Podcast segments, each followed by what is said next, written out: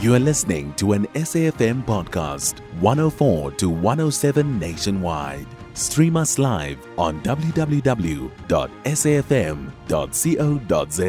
or via the SABC Plus app. SABC News, independent and impartial.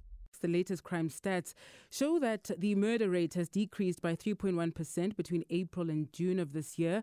A total of 6,228 people were killed in South Africa between April and June this year. This compared to 6,424 people who were killed in the same period last year. At the same time, more than 9,200 rape cases were reported, while over 5,600 housebreaking cases were also re- recorded. There was a 2% drop in reported sexual offences. And for more analysis on these stats, we're now joined by Professor Kholofelo Rakobo, who is acting HOD, the Department of Safety and Security Management at TUT, the Tshwane University of Technology. Professor, thank you for your time with us. Um, the, the stats there showing uh, a positive trend, if you will, in terms of murder in particular, the rate dropping there by, by 200 less cases. But before anybody perhaps uh, gets uh, uh, too excited, if you will. 6,228 murders in a three month period is still frighteningly high. What do you make of this data that has just been announced by, by, by the minister, and what does it say about the state of crime in the country? Uh, thank you. Good, good, afternoon to the uh, listeners. Um, the, we acknowledge the changes, although we're saying South Africa remains violent and with most cha- with most uh, declines it's due to it's just a drop in the ocean. There's so much that needs to be done. And uh, imagine talking about 9000 cases being recorded and now you mention the decline in rape. We need to zoom in there to to to analyze what was adopted what was implemented is the decline um, solely due to police response, or is it due to uh, communities' efforts or victims coming forth and so forth? So we need more analysis because we might be jumping for nothing.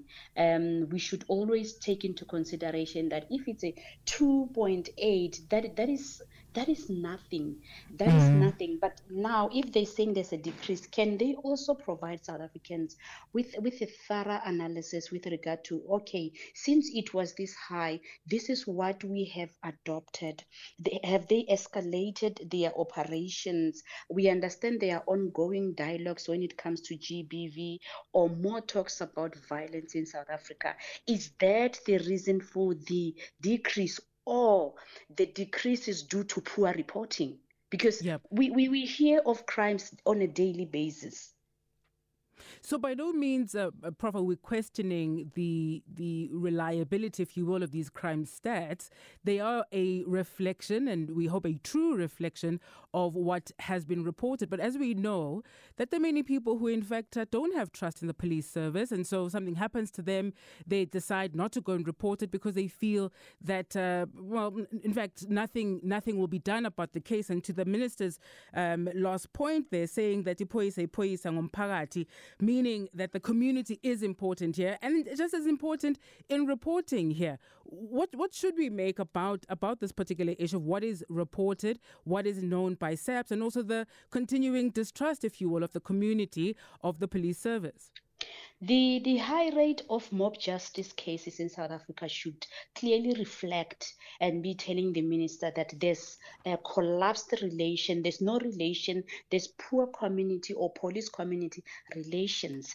Then now they should be working on that, not to say we are what we are because of communities assistance. Communities don't report. Communities take law into their own hands. But now there's a disalignment somewhere.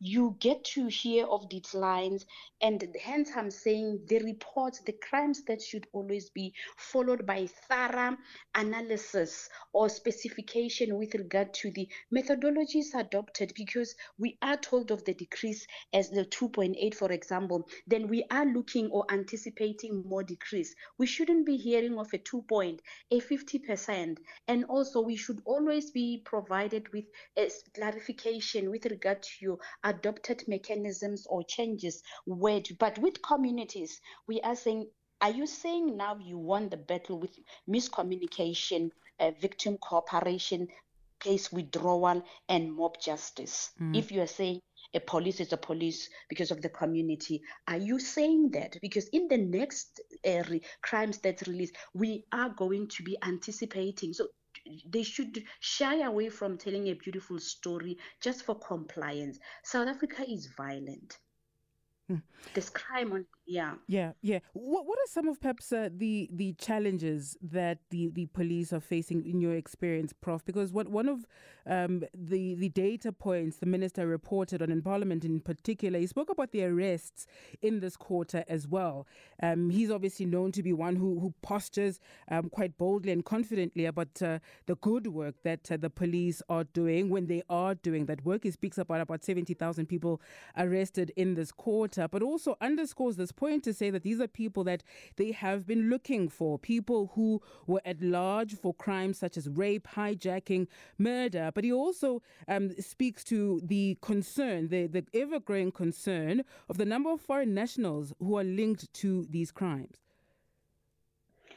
Um, the, the, the, let's also take into consideration the long-standing issues that the police have always been having. So I, am I'm, I'm interested in uh, um, analyzing or tapping into these long-standing issues. They've had um, there has been cases of what poor um, the, the, the, the docket going missing or poor communication or not responding to calls or uh, like we've, we've previously discussed the, the, the lack of cooperation or communication with community members then the corruption part as well. So how this impact on service delivery by the police this is still not being addressed. But you tap into crime stats, you realize reporting seems to be disaligned. It's as if they're talking of a different South Africa mm. than the one we know than the one we know. We've heard last week there has been cases of what um, undocumented uh, immigrants, um, service delivery protest here and there, fights between uh, the police and the community, shootings and so forth but that if you were to tap into crime stats, it does not reflect the true identity of crime or status quo in South Africa. It's violent and the reporting and, and, and the crimes that should be as clear as it but, again it can be clear because what?